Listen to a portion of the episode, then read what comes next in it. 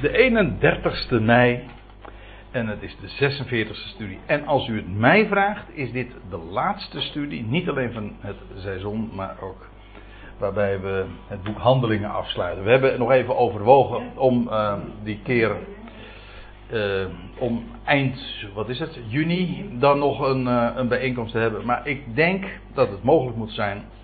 Dus ik moet me vanavond dus echt wel heel gedisciplineerd gedragen. Dat ga ik ook doen. En jullie ook, ja. Mij niet verleiden tot allerlei uitstapjes en excursies. Uh, dat we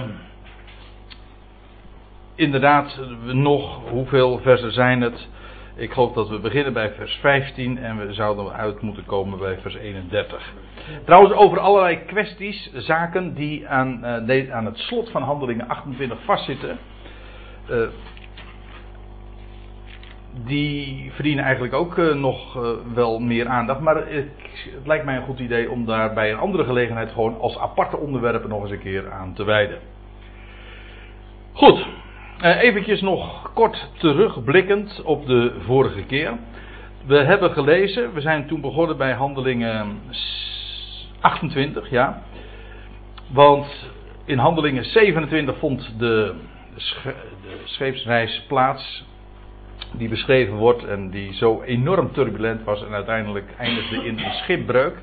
Uiteindelijk, zoals Paulus dat ook had uh, voorzegd, niet alleen de schipbreuk, maar ook dat alle schepelingen behouden zouden aankomen. En dat gebeurde ook en men arriveerde op het eiland Malta. Zo blijkt uh, bij nader inzien. En daar worden ze allemaal, en ook Paulus, want dat is vooral het onderwerp, openlijk, maar ook heel vriendelijk ontvangen. Het is ook een, een, een, contrast. Ik heb er de vorige keer ook op gewezen dat aan de ene kant eh, typologisch wordt de reis naar Rome, Rome voorgesteld in Handelingen 27 met, door de scheepsreis. Een beeld van Israël. En aan de andere kant de ontvangst. Uh, Israël die de boodschap afwijst, laat ik het voor hem even correct zeggen. Israël die de boodschap afwijst, daardoor ook het schip, het hele, de natie, ten onder gaat in de natie, in de Volkerenzee. Aan de andere kant is daar Malta, dat heidense land, en daar wordt Paulus uh, open, uh, ja, ontvangen, vriendelijk, en daar kan hij inderdaad zijn woord doen. Dus ook dat is nog weer, niet alleen maar historisch, maar ook typologisch. Dan lees je dat ze na een overwintering van drie maanden weer verder reizen naar Rome. Per schip onder het kenteken de Dioscuren. Daar hebben we ook nog wel eventjes bij stilgestaan. Bij Castor en Pollux. En uh, gezien het adres hier of van de Bijbelstudie moest dat natuurlijk ook wel. Hè? Uh, de twee die eigenlijk één zijn. Dat is eigenlijk het onderwerp van de tweelingen. Nou ja, ik heb u uh, toen iets verteld over de over het sterrenbeeld en alles wat daar aan vastzit. En ook de namen Castor en Pollux. Goh, je zal daar toch maar wonen. Dat lijkt me toch een geweldig voorrecht. Hè? En nog van boven heet ook. Ja, ook nog eens. Ja, als je het dan van boven mag bekijken. Hè? Jongen, wat een typologie allemaal zeg. En dan, uh, terwijl Paulus dus uh, vanaf Malta naar richting Rome reist, dan arriveert hij uiteindelijk met het schip uh, in Puteoli. Dat is, dat is een plaats nabij het huidige Napels. En dat betekent dat hij nog een voetreis heeft af te leggen van pakweg 200 kilometer. De, de namen worden er ook genoemd. En dan wordt hij ook dan lees je ook dat de broeders hem tegemoet komen, want Paulus had vele bekenden daar in Rome. En, en trouwens, hij was ook een Romeins burger. Dat zeggen, een feitelijk geregistreerd inwoner van Rome. Hoe dat zo kwam, daar hebben we het wel eens een keer anders over gehad. Maar in elk geval, broeders komen hem dan tegemoet in Forum Appius. Dat is ongeveer 75, 65 kilometer van Rome. En ook in Trestaberne, die plaats wordt ook genoemd. En dat is nog weer eventjes verderop. Of eigenlijk dichter bij Rome dan. En uh, daar wordt hij ook weer ontvangen. Dus uh, van broeders die er te horen hadden gekregen of lucht hadden gekregen van het feit dat Paulus in aantocht was. Nou, dat was zo eventjes in een, in een paar pennenstreken wat we de vorige keer hebben bezien. En dan pak ik dus de draad op in vers 16. En daar lezen wij: Toen wij nu te Rome binnenkwamen. En dit is de laatste keer dat Lucas, de schrijver dus, nog spreekt in de wijvorm. Lucas was hier dus bij. En hoe dat zat met die Aristarchus, die ook meereisde, waarvan we al eerder lazen, dat, uh, dat weten we niet. Daar worden geen mededelingen over gedaan. Maar uh, ook Lucas is hier dus bij. Toen wij nu Rome binnenkwamen, werd Saulus toegestaan om op zichzelf te blijven, samen met de hem bewakende soldaat. Eh, de, de versie trouwens van de Staatvertaling is iets uitgebreider. Dat heeft te maken met een, ander, ja, een ander handschrift, een, de, de, zogenaamde Textus Receptus, waar de Statenvertaling op gebaseerd is. En die voegt hier nog aan toe uh, dat de hoofdman hem overga, de gevangenen overgaf aan de overste des legers, van het leger dus. Maar dat is waarschijnlijk een latere toevoeging. Vandaar ook dat de, de nieuwere vertalingen dat weglaten. In de oudste handschriften ontbreekt deze zin namelijk. Het kan best zo gegaan zijn, maar dat staat dus, is niet door Lucas opgetekend. Uh, in elk geval, Paulus krijgt dus uh, toestemming. We hebben dat trouwens al diverse keren inmiddels nu in deze laatste hoofdstukken ook gezien dat Paulus, ondanks het feit dat hij een gevangene is, toch een grote mate van vrijheid genoot. En daar kwam trouwens ook bij dat de bewuste man, hoe heet hij ook alweer? Word ouder.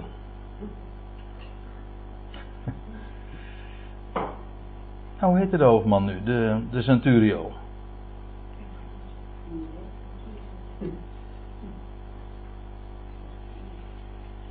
Ja, Julius, ja, 27 vers 1.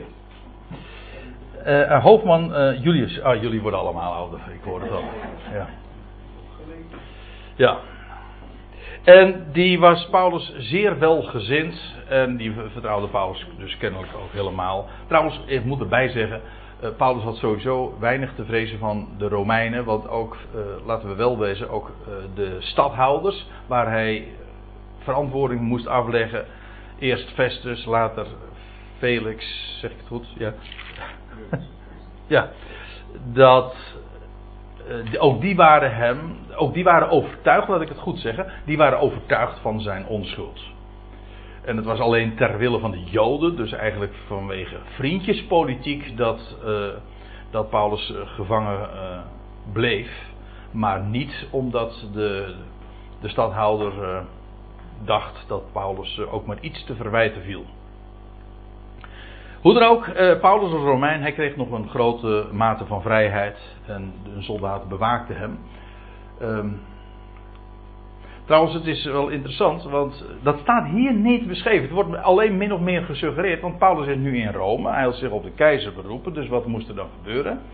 Hij zou dus voor de keizer verschijnen. Maar hij was nu net gearriveerd op het plaats waar dan uh, het, uh, het recht zou moeten worden voltrokken, of in ieder geval de rechtspraak zou moeten plaatsvinden.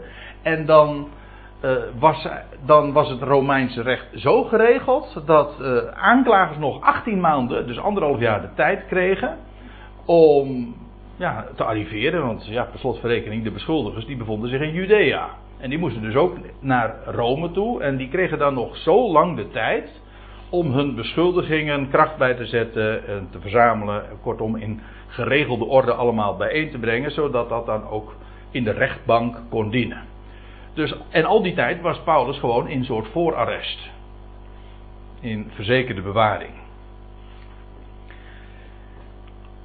En dan lees je, terwijl Paulus dus net gearriveerd is, het gebeurde nu na drie dagen. Over die drie dagen hebben we het de vorige keer al uh, gehad. Ik ga er nu even aan voorbij ik neem het nu even gewoon als een historische mededeling. Het gebeurde nu na drie dagen dat hij de voornaamste mannen van de Joden bijeenriep. En ja, de voornaamste mannen, je mag aannemen dat dat de leiders zijn geweest van de diverse synagogen. moet trouwens ook bij zeggen, we hebben al eerder gezien, dat is al hoofdstukken geleden, een hoofdstuk 18, dat uh, een eerdere keizer had alle Joden verbannen uit Rome. Maar goed, dat was inmiddels alweer heel wat jaren geleden.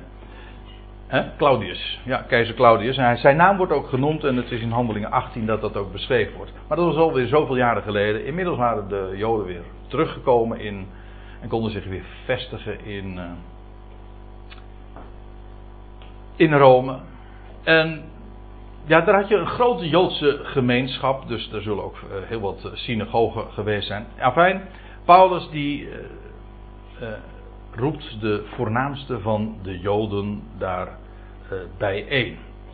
En dan lees je in vers 17: Toen zij nu samenkwamen, zei hij, Paulus, tegen hen, die voornaamste van de Joden: Mannen broeders, ik doe niets strijdig tegen het volk of tegen de voorvaderlijke gebruiken.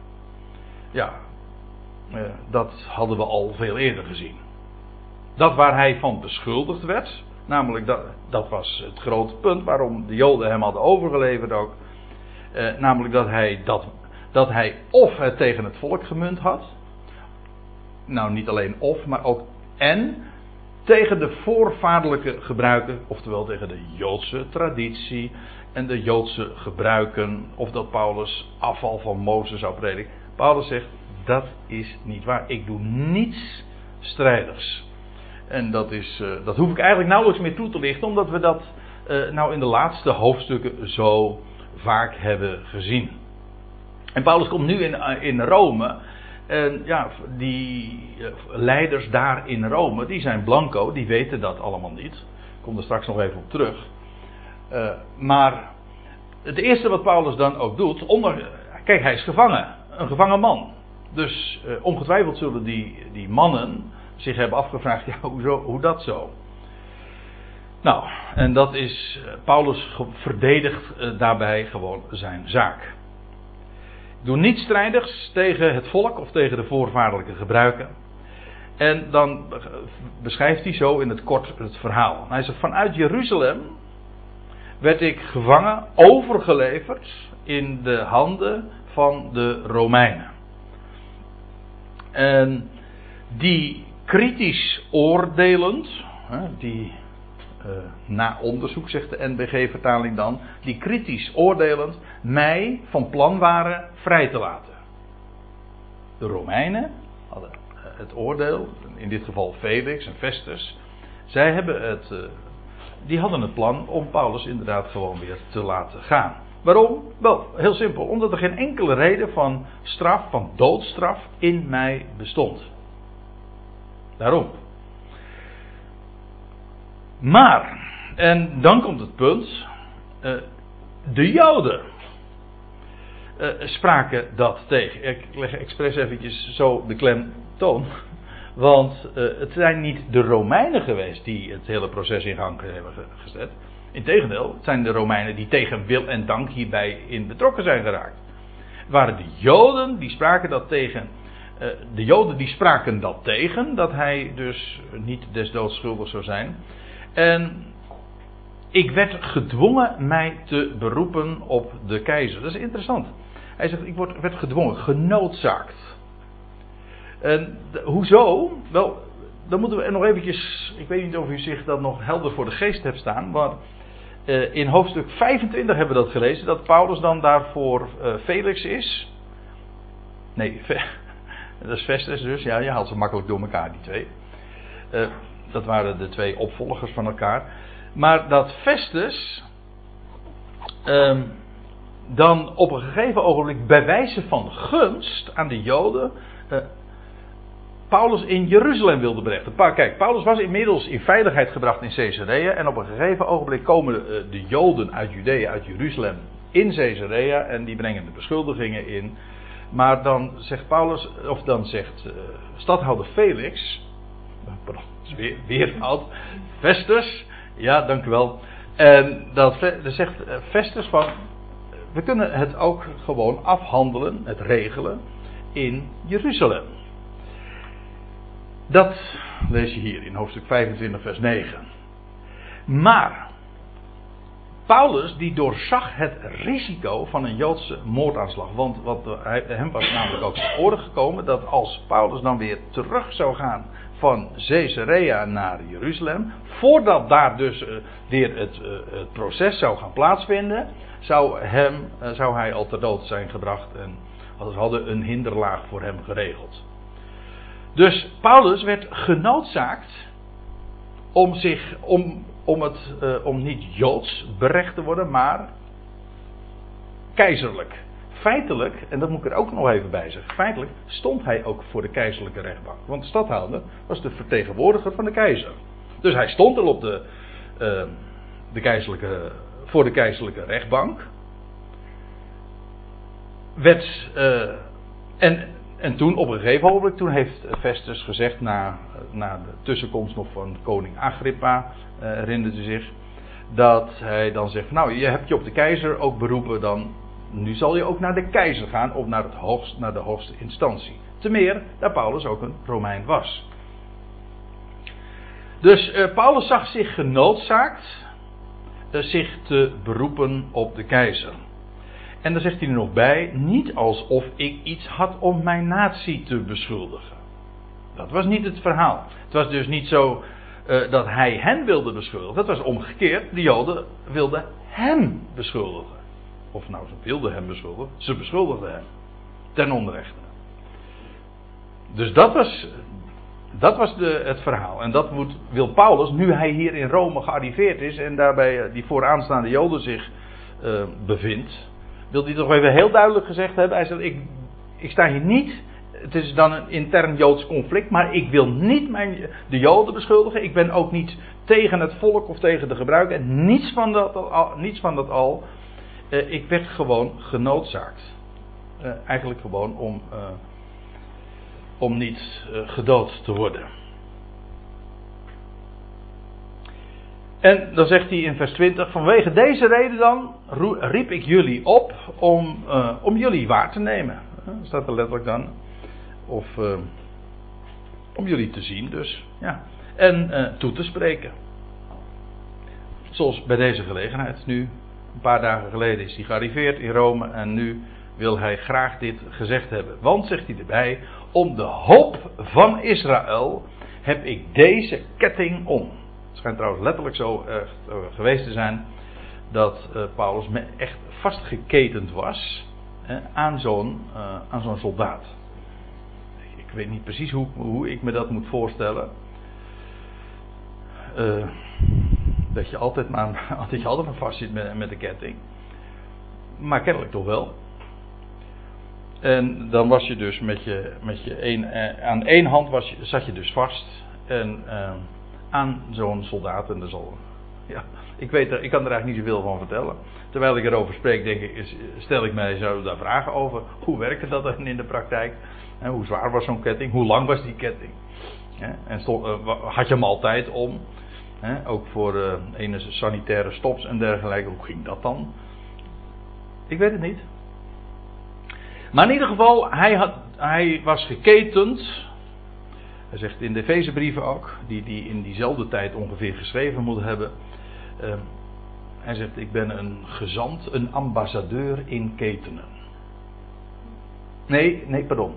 Niet, een, ook weer in het enkelvoud. En hier zegt hij om de hoop van Israël. Feitelijk is dat natuurlijk ook het grote onderwerp in heel het boek Handelingen.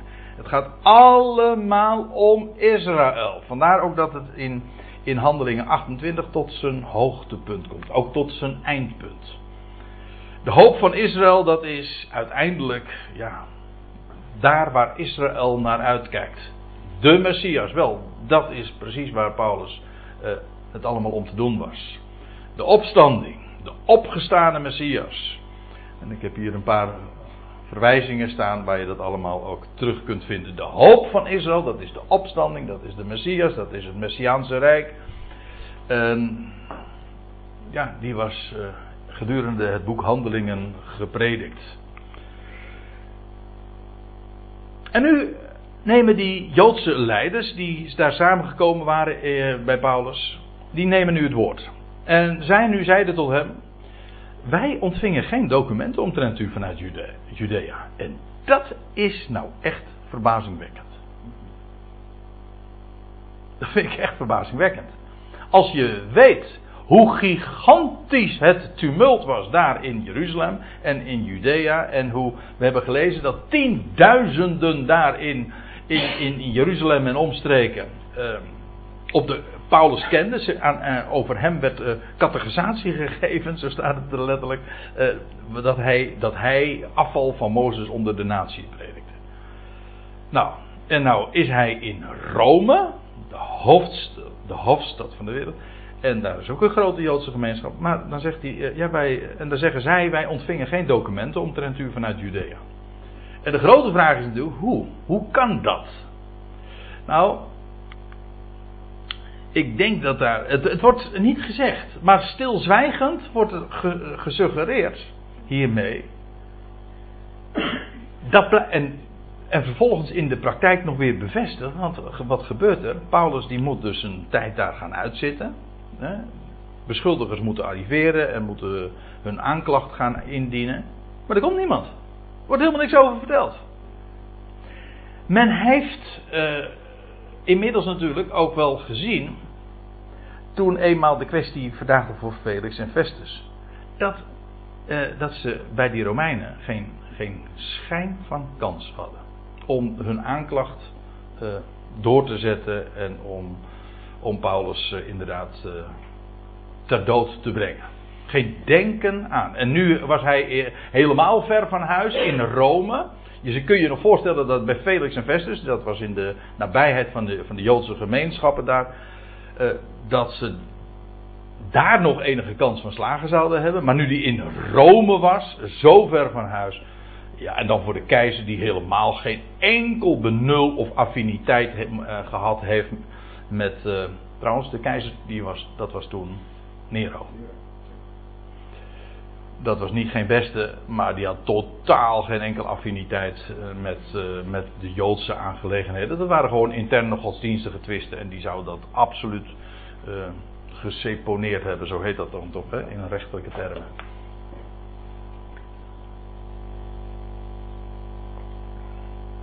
Dus dat was niet omdat,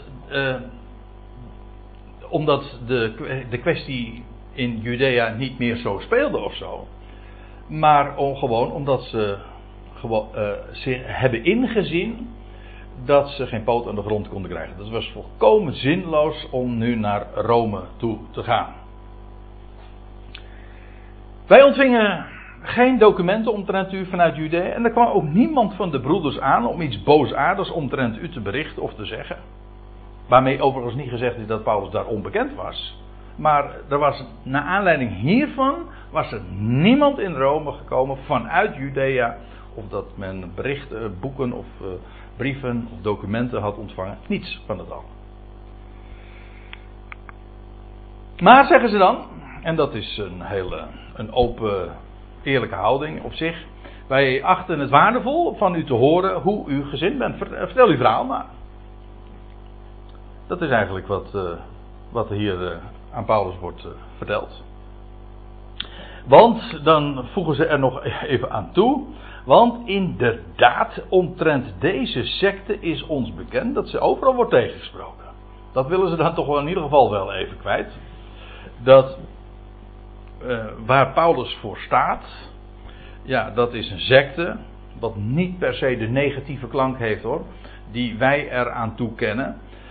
Maar uh, die negatieve klank zit hem eigenlijk niet zozeer in het woordje secte, als wel in het feit dat het overal wordt tegengesproken. Dat gaf die Joodse leiders, en dat laat zich verstaan, uh, dat gaf ze geen goed gevoel natuurlijk. Dat we nou, overal wordt er tegengesproken, overal gehannes, uh, om eventjes uh, plat te zeggen, over die, over die beweging, over die groep, over die secte. Uh, dus dat is ons wel duidelijk. Maar ze geven Paulus een, daarbij een eerlijke kans. Eerlijk is eerlijk. Die term secte komen we een, een aantal keer tegen. Die, hij wordt genoemd in hoofdstuk 24, vers 5 en, en later in het hoofdstuk nog een keer. De secte van de Nazareners. We hebben het uh, daar toen, bij, uh, toen we daar waren ook over gehad. De Nazareners van Dat wil zeggen, de secte van degene die uit Nazareth kwam. Wat heel wat profetischer is dan doorgaans gedacht wordt. Want dat was uh, Nazar, hè? Weet u nog? Die spruit. Een, uh, een term eigenlijk die, een die slaat op de, op de Messias.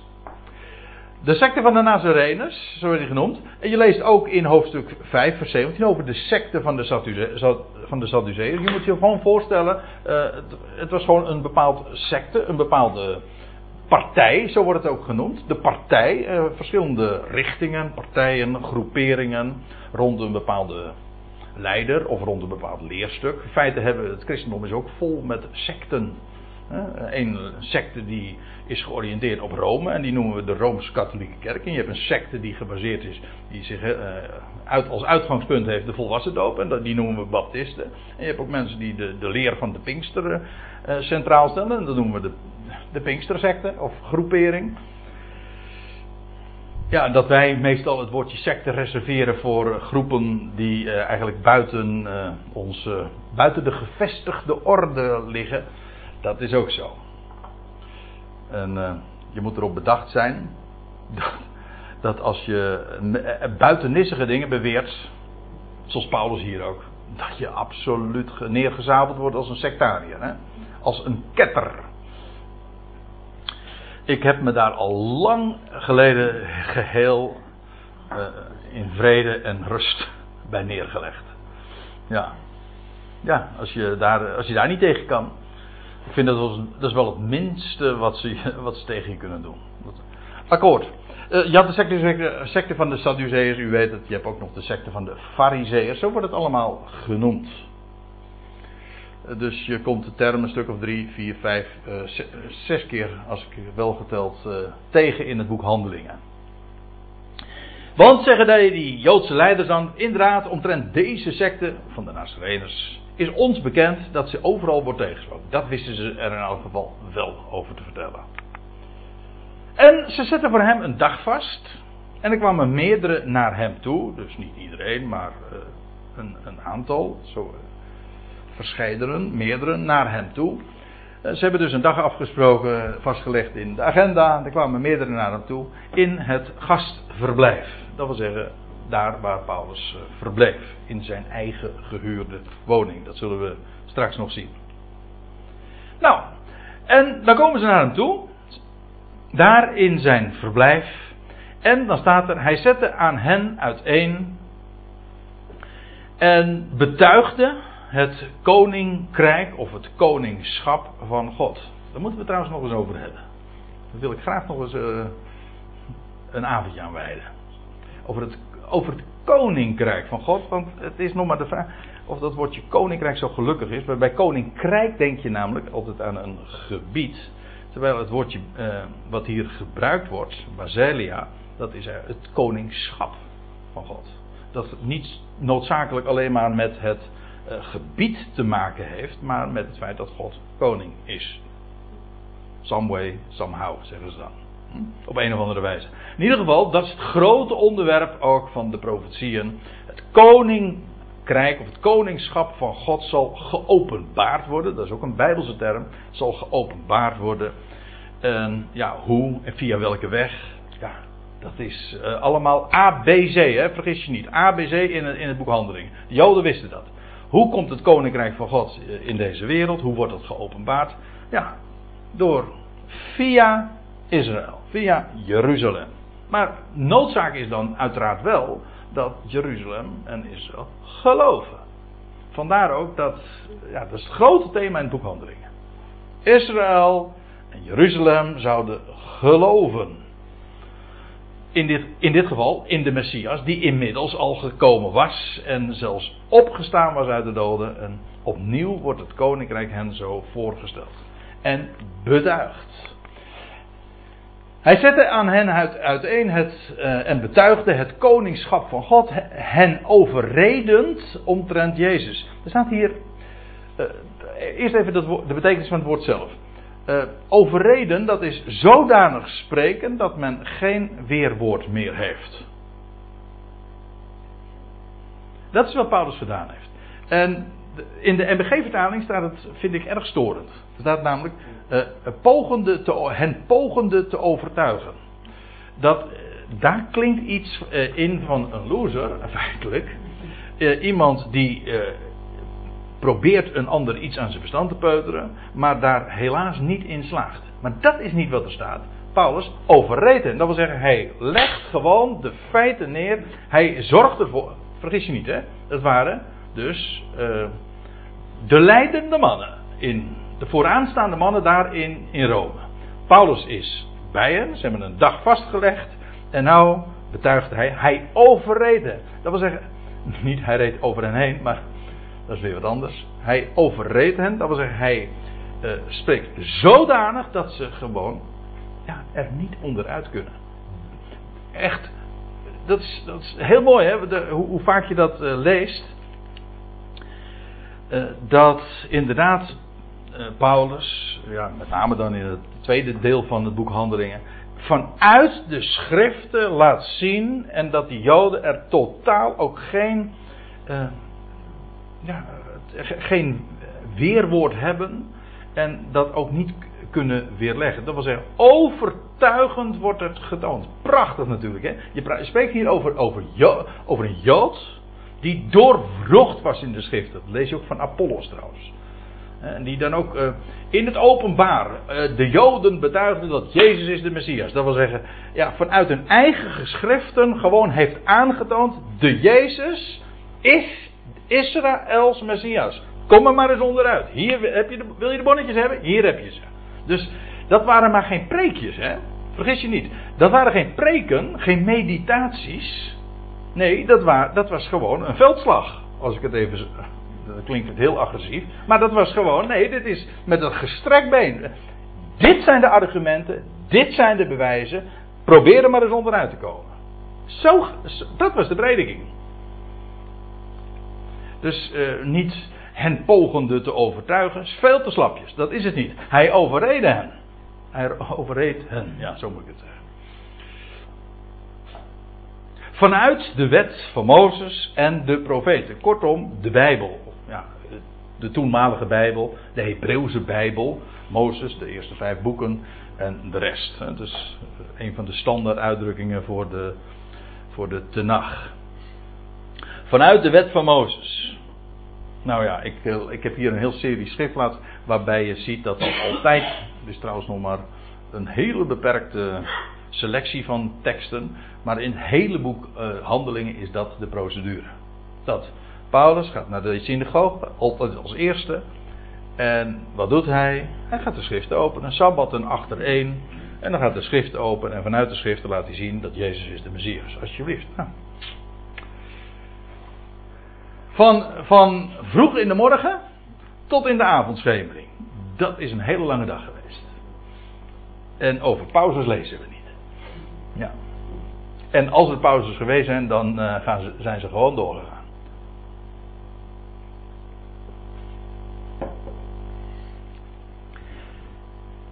En nu, in Rome, dus is dat ook het, uh, de procedure. Is dat ook zoals Paulus optreedt.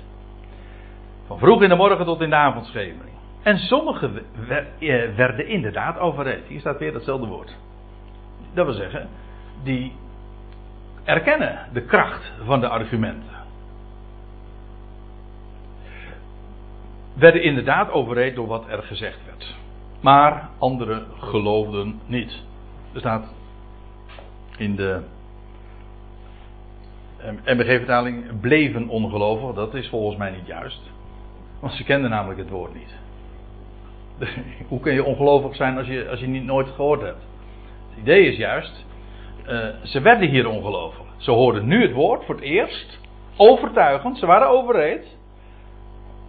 En desondanks, ja, u weet het, hè, er zijn zoveel argumenten, uh, ja, ook argumenten, maar dan argumenten van persoonlijke aard, of van uh, profijt, of van geld, of van status eh, redenen om dan toch inderdaad te zeggen: ja, allemaal goed. Het kan wel zo zijn, maar ja, het kost ons te veel. Dat doen we maar niet. Dat geeft zo. Uh, een, een, argument wat mij heel vaak is te verstaan gegeven. Als je dan vanuit de schrift duidelijk dingen laat zien. Ik ben daar. Soms is het zo onmiskenbaar. Er is niets tegen in te brengen. Er wordt er ook niks meer tegen ingebracht. En waar komt men dan mee aan? Nou, liever hebben we het niet dat je het vertelt, want het geeft zoveel onrust in de gemeente. Het is, is onrust. En, en als er iets is waar leiders bang voor zijn, dan is het onrust. Dat mag niet, want ja, je wil, je wil rust in de tent, om zo te zeggen. Je kan dat niet gebruiken als er dan eh, als er allemaal toestanden zijn. Dus, hè? Hele, hele positie staat er ook. Dat is uiteindelijk, ja. Ja, dat is het. Dus het zijn uiteindelijk hele, ja, dan neem me niet kwalijk, triviale redenen waarom men het als, alsnog verwerpt. Ik bedoel, we hebben het hier over iets. Over, het gaat over, in dit geval, de hoop van Israël. Daar zag men naar uit. Nee, de, de Messias, nou was hij aan, nou had hij zich aangediend. Hij is daar. Paulus kon hem zo aanwijzen, kon zijn identiteit uh, bewijzen. Zeggen, dat is Jezus, niemand anders. Ze waren, ze konden er niets tegen inbrengen en toch, eh, sommigen, ja, die werden overheid, die konden niet onder de kracht daarvan uit en accepteren het dan ook daadwerkelijk. En anderen niet, geloofden het niet. Natuurlijk kun je dat altijd nog op het, niveau, uh, op het hoogste niveau bekijken. En dat is natuurlijk niks mis mee. En dan zeggen we, ja, God is het die ogen opent en harten opent. Dat is waar. Dat is waar. Uh, ook dat, laat ik het zo zeggen, ook dat is waar. uiteindelijk, dat is ook wat een mens vrede geeft. Dus, ja, welke factoren daar dan ook een rol in spelen, gewoon psychologische of sociologische, godsdienstige uh, speelt ook natuurlijk een rol dat, daar, uh, dat we in een aion leven, een boze aion, waar de God van deze aion uh, de, de harten van de ongelovigen, hoe staat het? Nee, de overleggingen van de over, ongelovigen verblindt. We hebben, in Maren hebben we het nog over 2 Korinthe 4 gehad. Dus dat speelt ook een rol. Dus er zijn heel veel factoren die daarin een, een rol spelen waarom een mens uiteindelijk de boodschap terzijde legt. En uh, het allerhoogste, zoals gezegd, het mooiste, waar je ook werkelijk rust in vindt, is het feit dat er een God is die het allemaal uiteindelijk regisseert. En dat uh, maakt dan ook weer heel bescheiden. Want ja, wie ben ik dat ik het wel mag zien? Dat is niet omdat ik nou zo, zo, zo uh, een, een, een ijveraar ben of zo eerlijk ben voor de waarheid. Want dan zou je nog weer eigen roem hebben. En u weet, dat stinkt. Hm? De, ik vind dat altijd lastig, daar moet ik er ook bij zeggen. Uh, om dat allemaal, om dat goed eerlijk uh, vanuit alle oogpunten en optieken te bezien. Want er zitten nogal wat kanten aan. Hoe dan ook, sommigen werden inderdaad overreed door wat er werd gezegd, maar anderen geloofden niet maar oneens zijnde met elkaar. Dat, ja, dat is uh, Joods, hoor ik zeggen. Ja, Joden doen niet liever uh, dan inderdaad discussiëren. En ik heb wel eens gehoord, dat was een grapje over de Handelingen 2. Het, wat het grote uh, wonder van Pinksteren was. Dat was niet dat de geest kwam, dat is een Joods grapje.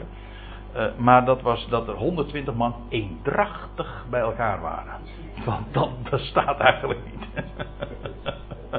dat was het wonder van Pinksteren. Ja, oneens. Ze waren het dus oneens. Dus er, Paulus vertelt, hij krijgt wat bijval van enkelingen. Maar de grote meute die gelooft het niet, ondanks uh, alle argumenten. Uiteindelijk zie je dan toch ook dat het geen kwestie van intelligentie is. En ook niet van de kracht van de argumenten. Want als mensen gewoon niet willen, om welke reden ook, dan sluiten ze zich gewoon. Maar oneens zijnde met elkaar werden ze weggezonden met deze ene uitspraak van Paulus. Let op, dat, zo staat het er echt hè. Ze werden weggezonden. Er staat, er staat in de MBG-vertaling, dus toen gingen zij uiteen. Nee, dat, dat, ja, natuurlijk gingen ze uiteen. Maar dat is niet wat er staat. Paulus zegt, er staat letterlijk gewoon, ze werden weggezonden. Ze werden weggezonden met deze één uitspraak van Paulus. Dat wil zeggen, Paulus zegt, ga maar weg. Die heeft nou van de vroege morgen tot de avondschemering heeft hij uit, vanuit de schrift het aangetoond. Hij heeft een overreed. En als dan het merendeel zegt van, doei Paulus. Nou, dan zegt hij, uh, dan zijn we uitgepraat. Ga maar. Ja, op een gegeven moment moet je ook je conclusie trekken. En Paulus die stuurt hen gewoon weg. Dus ik vond het heel frappant toen ik dat ontdekte in de interlineair. Dat er niet staat van ze gingen uiteen. Nee, Paulus stuurt ze weg. Ze werden weggestuurd. Met deze ene uitspraak, Paulus, want hij stuurt ze weg, maar hij zegt: Ik heb nog wel een boodschap voor je. Eén, één woord voor je. Met deze ene uitspraak van Paulus. En dan, en dan gaat hij weer citeren. Had hij de hele dag al gedaan natuurlijk. Maar hij zegt terecht. Terecht sprak de Heilige Geest door Jezaja. Gods geest. Hè? Het was Jezaja die sprak. Wel, jawel. Nee, die, het was de mond van Jezaja. Weet u trouwens, terwijl ik het zeg. Uh, het woordje uh, voor profeet in het Hebreeuws. Dat is, ne, dat is Nebiim, dat is meervoud, profeten. Maar dat is afgeleid van het woord voor mond. Dus eigenlijk een profeet op zijn Hebreeuws, als je het op, uh, met Hebreeuwse oren hoort, dan hoor je dus eigenlijk dat zijn monden. En vandaar ook dat ze altijd zeggen: Zo zegt de Heer. Zo spreekt Yahweh. God spreekt en ik ben slechts ja, doorgeefluik. Ik ben de mond. Dus bij mond. Hè? Oh, sorry. Ik, ik, mond van God, ja, een profeet is een mond van God. God. Dus God spreekt en door middel van zo'n zo'n profeet, en in dit geval Jezaja. En terecht sprak de Heilige Geest door, door Jezaja, de profeet, en ik kan u verklappen, dat staat in Jezaja 6. Tot jullie vaderen, zegt hij tegen deze Joden. Tot zijn hij behoorde er zelf ook toe natuurlijk, tot het Joodse volk. Terecht. Dit wordt trouwens aangehaald, uh, niet alleen maar hier aan het slot van handelingen, maar we lezen ook al tijdens Jezus' omwandeling in Matthäus 13, dat hoofdstuk over de gelijkenissen. Uh, in uh, Johannes 12 wordt het ook aangehaald. Dus het speelde in het Nieuwe Testament en een rol in het leven van de Heer Jezus. En voor de tweede keer, dus definitief, tussen aanhalingstekens, uh, opnieuw klinkt het dan het woord uh, van Jezaja. Ja. Ik, uh, hè? Maar wat zegt hij dan? Ja, dat gaat hij. Dus zeggende, dubbele punt. Ga naar dit volk, wordt tegen Jezaja gezegd, en zeg, en nou weer dubbele punt. Met gehoor gewoon je horen, zullen jullie horen en toch niet begrijpen. En we weten allemaal, dat is niet omdat de Joden geen slimme of intelligente mensen zijn. Dat heeft er dus helemaal niks mee te maken. Dat zie je hier wel heel in het bijzonder gedemonstreerd. We weten allemaal, en ze hebben alom wereldwijd de reputatie, dat ze buitengewoon slim en intelligent zijn. In alle opzichten. Uh, de meeste Nobelprijswinnaars, dat zijn procentueel veruit de meeste Jalden. Dus onevenredig zijn ze vertegenwoordigd. Dus slim en begrip enzovoort. Gigantisch. Ja. Maar als het nou gaat om de dingen van God. Dan staat dus, ga naar dit volk. En zeg, met gehoor zullen jullie horen. En toch niet begrijpen. Het kwartje niet. En kijken zullen jullie kijken en toch niet waarnemen. Ja, ik heb het hier dus, dit is de meest letterlijke weergave. Ik, vind, ik heb daar soms wel eens een beetje moeite mee door uh, deze, deze letterlijke weergave te geven. Want nou heb u het misschien een keertje ooit uit uw hoofd geleerd, zulke bijbelversen. En nou kom ik met een versie en staat er weer iets anders. En dat uh, vind ik zelf ook wel eens storend, want ik heb ook allerlei bijbelversen gememoriseerd. En nu blijkt het er toch weer net even anders te staan. Maar goed, je moet wat over hebben voor de waarheid. En kijken zullen jullie kijken en toch niet waarnemen. Vergis je niet. Israël hoorde niet alleen in het boek Handelingen, maar ze zag ook. Hè? Het gaat over de vele zichtbare wondertekenen. En ze dienden allemaal om dit volk, namelijk waar Jezaja zich toe richt en waar Paulus zich nu toe richt, om dat te overtuigen. Ze hoorden en ze zagen. En ze, en ze zagen ook, trouwens, dat Paulus' woord eh, onder de natieën ook eh, bevestigd werd door vele wondertekenen. Die wondertekenen, we hebben er wel eens een keertje eerder over gedacht. Die wondertekenen die Paulus deed onder de natieën, dienden in die dagen er ook toe om Israël ervan overtuigen dat Paulus' missie inderdaad een missie van Gods wegen was. Dus ze zagen het.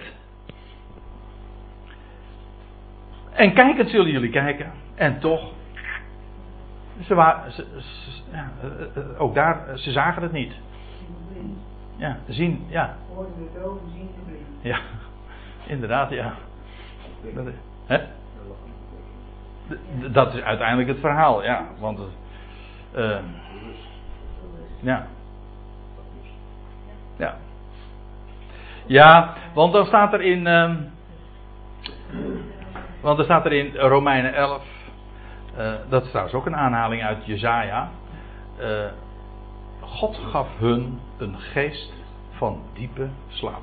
En ook weer ogen om niet te zien.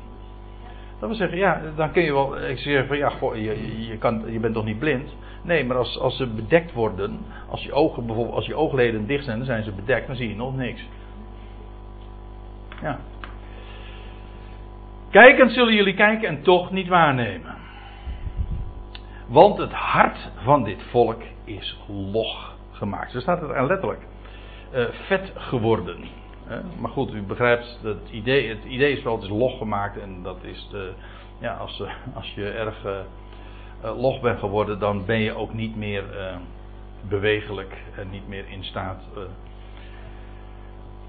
om eh, dingen op te nemen. Het is ook, dat is trouwens, als ik me niet vergis, ook in Jezaja. Dat men eh, niet meer. Hoe staat het er nou? Hm?